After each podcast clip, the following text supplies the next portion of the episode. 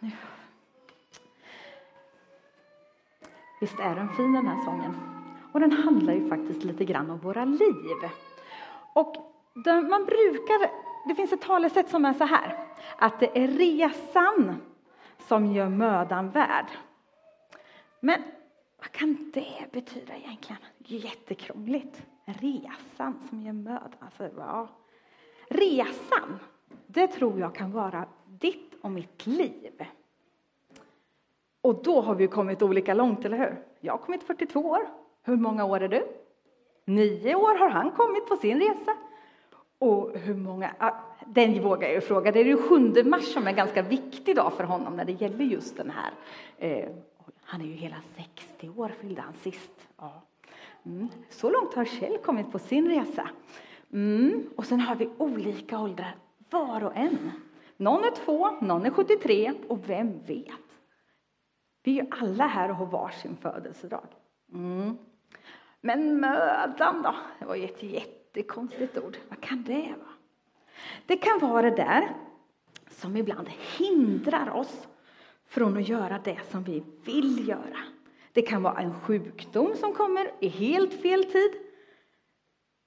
Och det kan vara almanackskrockar. Det står att jag ska på styrelsemöte och så ringer en kompis och frågar om jag vill gå och fika. Men då står det att jag ska på styrelsemöte, så då går jag på styrelsemöte för det var före. Men det hade varit kul och gott och fikat, eller hur? Mm. Det är sådana almanackskrockar som blir, det är sånt där som är lite mödosamt ibland. Ja, och en del saker vi bara måste göra. Det har vi allihop, tror jag. Många måsten. Mm. För jag är lite sån att jag vill gärna göra det som är roligast. Någon mer som är sån? Man vill göra det som är kul, liksom. Eh, om man fick välja. För ett litet får, har ni sett vilket litet, litet får jag har med mig? Mini-mini. Det är alldeles ulligt och lent. Ah. För ett får så tror jag att staket kan vara ett hinder. För ibland så vill man ju liksom äta det godaste höet som ligger på andra sidan. Har ni sett vilket gott hö? Ska smaka om det är gott. Ja. det funkar de med, hörni? Ja. Kolasnören. Alltså om det ligger kolasnören på ena sidan, alltså det är hö, ni ser det på färgen va? Ja, och man står på andra sidan, om man inte kommer över, då är det ett stort hinder i livet. Mm. För den här killen, Josef, har ni sett? Och hans Maria. Så blev det den här kejsar Augustus förordning om att alla skulle skattskrivas i staden en släkt kom ifrån. Ett stuperhinder. Va? Alltså de var tvungna att ta den här 11 mil långa resan från norra Nasaret eh, i Israel där och så ner till Davids stad Betlehem. Och de skulle resa på steniga stigar och inte hade de någon bil att knäppa fast sig i heller, så här med barnstolar och man satt bekvämt och kunde lura till lite. Det var en åsna, lite benig kanske att sitta på, man kanske hade en filt om man hade tur. Mm. Det var då. Men idag tror jag, om ni skulle få åka dit er släkt kommer ifrån, hur många skulle få åka till Bankerön? Vem har mormor och morfar här? Vem har farmor och farfar här? Alltså, va? Ni skulle få åka till Bankeryd hela hopen. Och en och annan gammel sån där finns det också, gammelmormor och gammelmorfar och sådär. Ja, det har man också. Ja, men för ni, men om man tänker så här, när Josef och Maria kom till Betlehem, då fanns det ingen nybäddad säng eller varm mat när man kom fram. Nej, de fick ju liksom gå fram och tillbaka och knacka, hörs det nästan? De knackade på en dörr, fick de komma in? Nej. Och de knackade på en dörr till, och de fick inte komma in där heller. Alltså, det fanns ingen plats för dem. Och till sist så var ju Maria så trött så hon liksom bara nästan, hon grät nog tror jag. Hon var liksom ledsen för att hon inte fick någonstans. Och Josef han liksom bara, snälla, finns det någonstans där vi kan få sova i natt? Alltså vad som helst. en platt yta liksom. Och då var det ju en av värdshusvärdarna som kom på att ja, men jag har ju faktiskt ett stall. Där bland djuren, där kan ni nog få plats. Så de gick in i stallet. Och där var tiden inne för Maria att föda. Och hon födde sin lilla, han är inte så här liten, men ja, ni ser, ser ni den här lilla Jesus? Som hon lindade i liksom filtar och det hon hittade där. Det fanns liksom inga färdiga så här, babyväskor, men hon hade tagit med sig lite så att hon kunde linda honom så han inte frös. Och så fick han läggas där i ett stall. Mm. I hans krubba.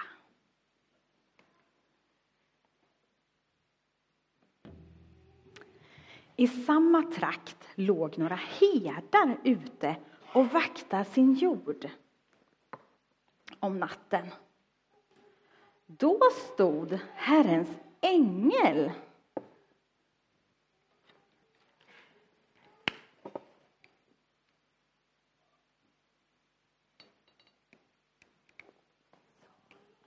framför dem och Herrens härlighet lyste omkring dem och de greps av stor förfäran. Men ängeln sade till dem, var inte rädda, jag bär bud till er om en stor glädje. En glädje för hela folket. Idag har en frälsare fötts åt er i Davids stad. Han är Messias, Herren. Och detta är tecknet för er. Ni ska finna honom i en krubba. Och plötsligt var där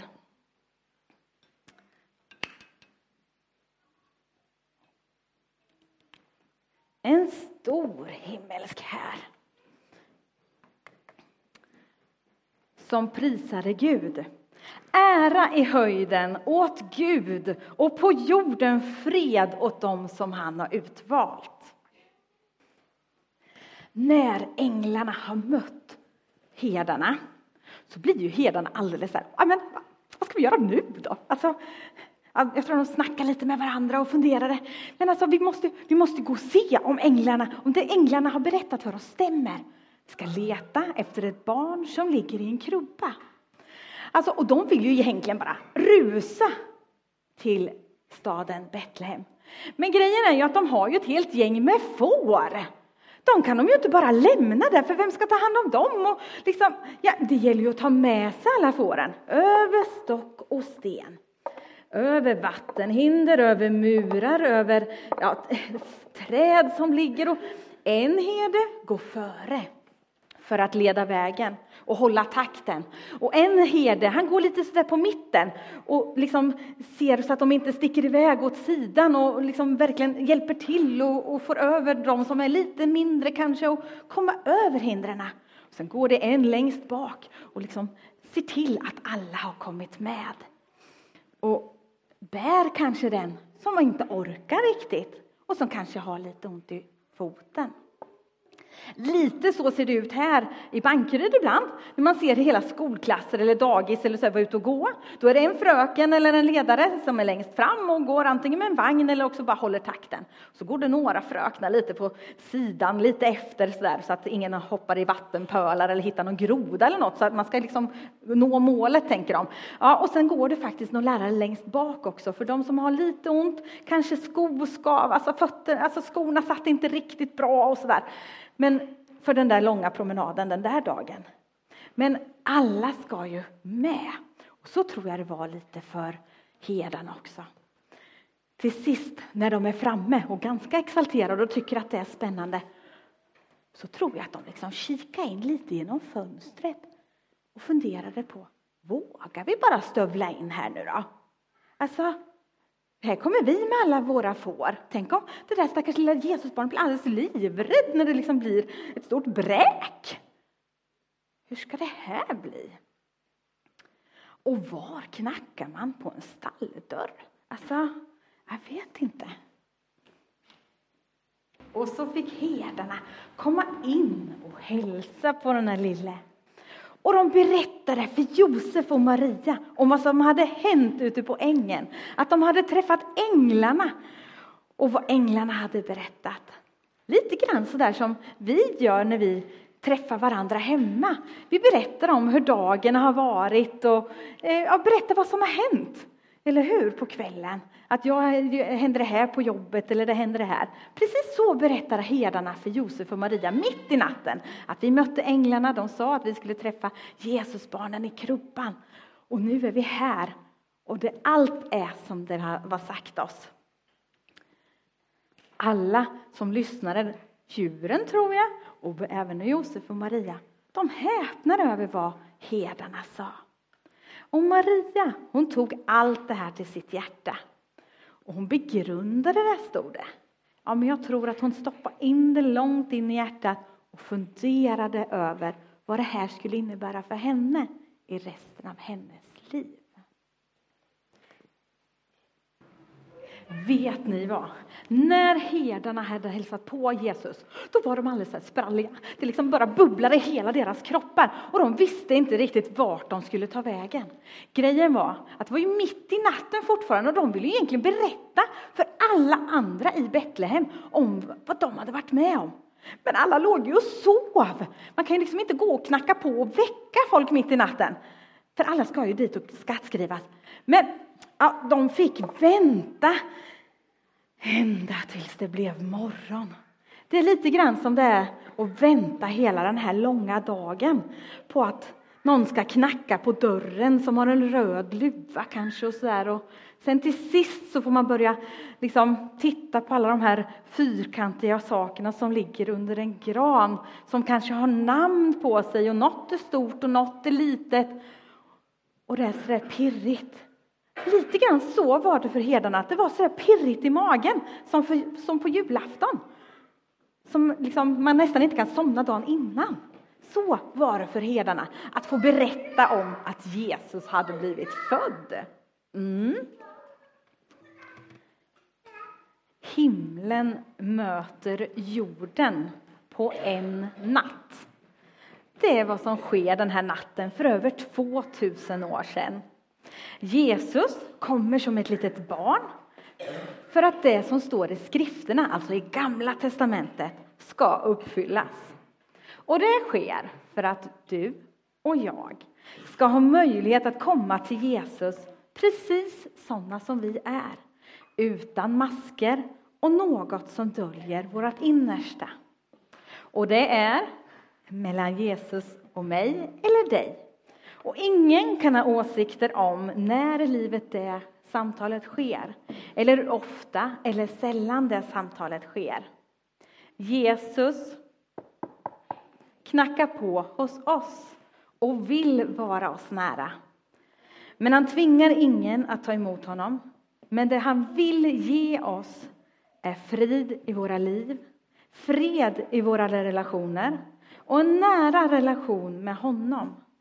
Han vill vara den som vi pratar med om allt, stort som litet, bekymmer och glädjeämnen. Han vill vara oss nära. Och idag kan vara dagen då du fattar ett beslut att leva nära Jesus resten av ditt liv. Han kom för din och min skull. Gud sände honom till jorden för att rädda den, inte för att döma den. Låt oss be till vår räddare och vän. Vi knäpper våra händer tillsammans. Tack Jesus för att du kom till oss som ett barn. Men du stannade inte som ett barn, du växte upp och blev en man som gick och gjorde gott. Tack Fader för att vi får dela det goda med varandra och andra. Jag tackar dig Jesus för att du vill att vi gör som herdarna, att berätta om dig för varandra. Tack Jesus för att vi får vara de som tar emot dig i våra liv och att eh, vi kan göra det om och om igen. Tack Jesus för att den här julaftonen kan få bli skillnad i resten av våra liv. Tack Jesus för att du är här. I Jesu namn jag ber. Amen.